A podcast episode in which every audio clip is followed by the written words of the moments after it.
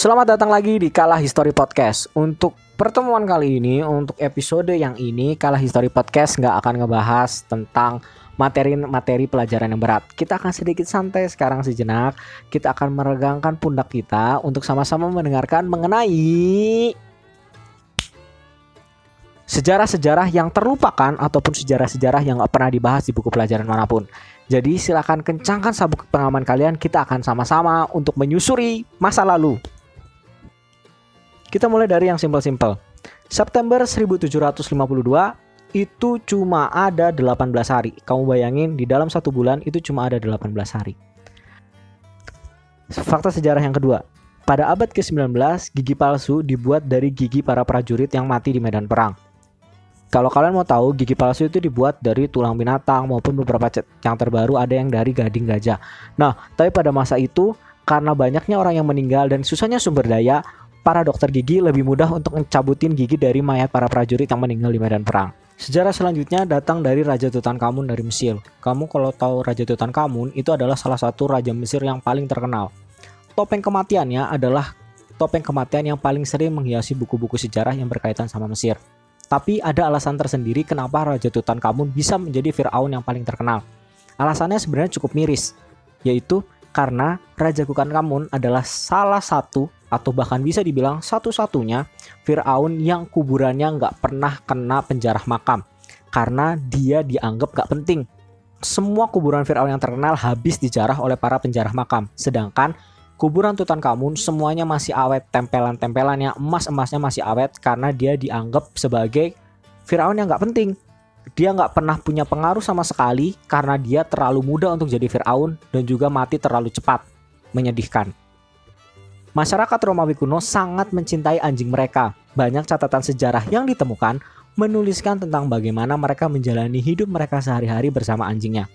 Pada beberapa kasus, ilmuwan saat ini lebih banyak memiliki catatan mengenai orang Romawi dan anjingnya dibanding dengan aspek kehidupan Romawi kuno yang lainnya. Tapi yang imut, untuk anjing yang sudah meninggal, sang empunya atau tuannya akan membuatkan sebuah batu nisan yang besar dan dipenuhi dengan hiasan. Tindakan vandalisme atau pengerusakan pada kuburan-kuburan anjing ini akan mendapatkan hukuman yang berat. Sejarah berikutnya datang dari luar angkasa. Pada misi Apollo untuk pendaratan di bulan, ada tiga orang yang pergi untuk misi tersebut.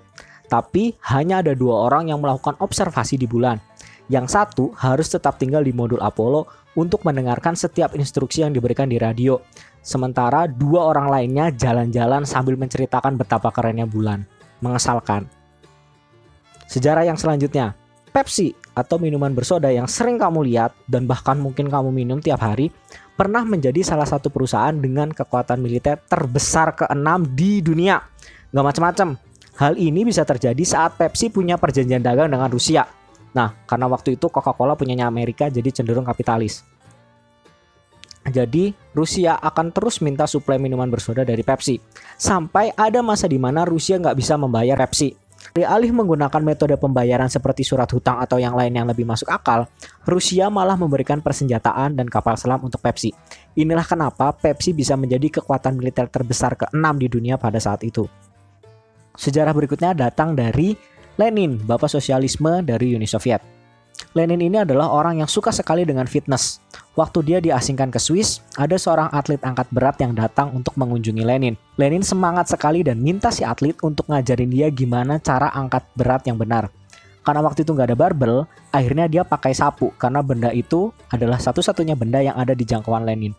Waktu si atlet lagi praktik, istri Lenin, si Nadeza ngetawain. Karena kata Nadeza, atlet ini kelihatan lucu banget.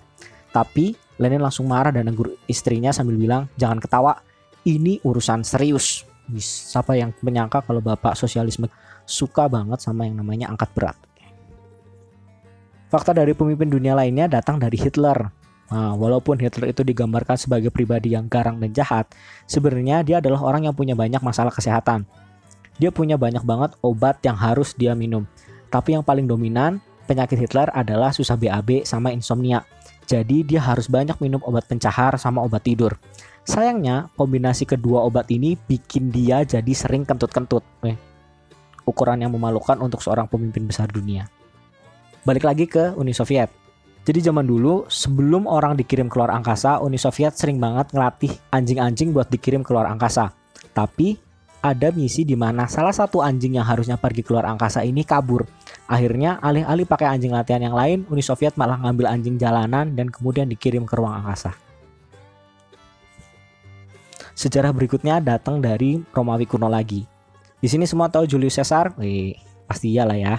Nah, Julius Caesar ini pernah diculik sama bajak laut waktu Julius Caesar tahu nilai tebusan yang diminta sama bajak laut buat Julius Caesar, dia ngerasa tersinggung.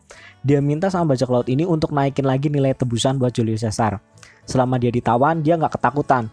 Dia malah ngabisin waktunya buat gangguin si penawan ini. Dia juga ngebuat dan banyak sekali ngebacain puisi yang isinya olok-olok buat para bajak laut tersebut. Oh ya, selama ditawan dia juga bercanda sama bajak laut kalau nanti dia udah ditebus, dia bilang dia bakal ngeburu bajak laut ini dan bakal menyalipkan mereka. Akhirnya beneran, Waktu Julius Caesar udah ditebus, dia langsung ngeburu semua bajak laut itu dan mereka semua langsung dihukum salib sama Julius Caesar. Sejarah selanjutnya datang dari masa Yunani kuno. Di masa Yunani kuno ada seorang filsuf yang namanya Diogenes. Dia dikenal karena cara pikirnya yang disebut dengan mahsab sinisme. Diogenes juga dikenal karena cara pikirnya yang nyantrik. Dia pernah jalan-jalan keliling kota dengan lentera di siang hari. Waktu orang tanya-tanya apa yang dia lakukan, Diogenes jawab dengan santai, aku lagi cari orang jujur. Dan gak sampai di situ kenyantrikan Diogenes. Suatu hari dia didatengin sama Alexander Agung. Alexander Agung ini adalah pimpinan Yunani, orang yang udah menaklukkan separuh dari dunia. Alexander Agung ini datang ke dia karena kagum sama Diogenes. Nah, waktu didatengin sama Alexander Agung, Diogenes ini lagi cari makanan di tempat sampah. Alexander tanya, Loh, kenapa Anda mengaduk-aduk tempat sampah? Dia langsung jawab dengan ketus sambil bilang, Aku sih sebenarnya lagi cari tulang bapakmu, tapi aku gak bisa bedain mana tulang bapakmu dan mana tulang budak-budak yang udah dia bunuh. Besoknya Alexander datang lagi, kali ini pagi-pagi. Sekarang Diogenes lagi rebahan santai di rumput. Alexander langsung mendekati Diogenes dan bertanya, apa yang bisa saya lakukan buat Anda? Diogenes jutek, dia jawab lagi dengan ketus. Ada satu yang bisa kamu lakukan. Minggir, bayanganmu nutupin sinar matahari yang lagi aku nikmatin. Selain itu, Diogenes juga dikenal sebagai musuhnya Socrates. Iya, Socrates, bapak filsafat dunia yang pernah kita pelajarin di pelajaran sejarah. Menurut Diogenes, si Socrates ini kebanyakan teori dan gak praktek.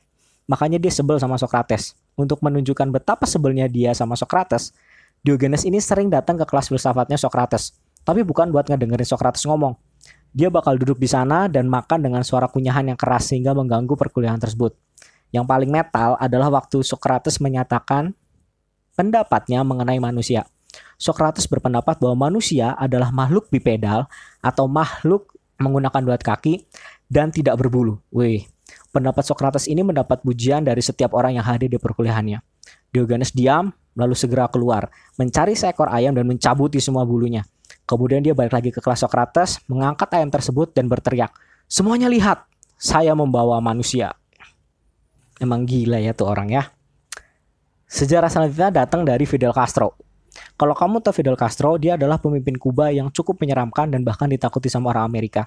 Tapi siapa yang nyangka, Fidel Castro ini suka banget minum susu dan makan produk olahan susu. Yogurt, keju, ya sebutin lah. Bahkan dia sampai bikin toko es krim raksasa yang masih beroperasional sampai hari ini di Kuba. Dia juga mengkawin silangkan dua sapi khusus untuk menciptakan sapi yang bisa hidup di cuaca panas dan memproduksi banyak susu.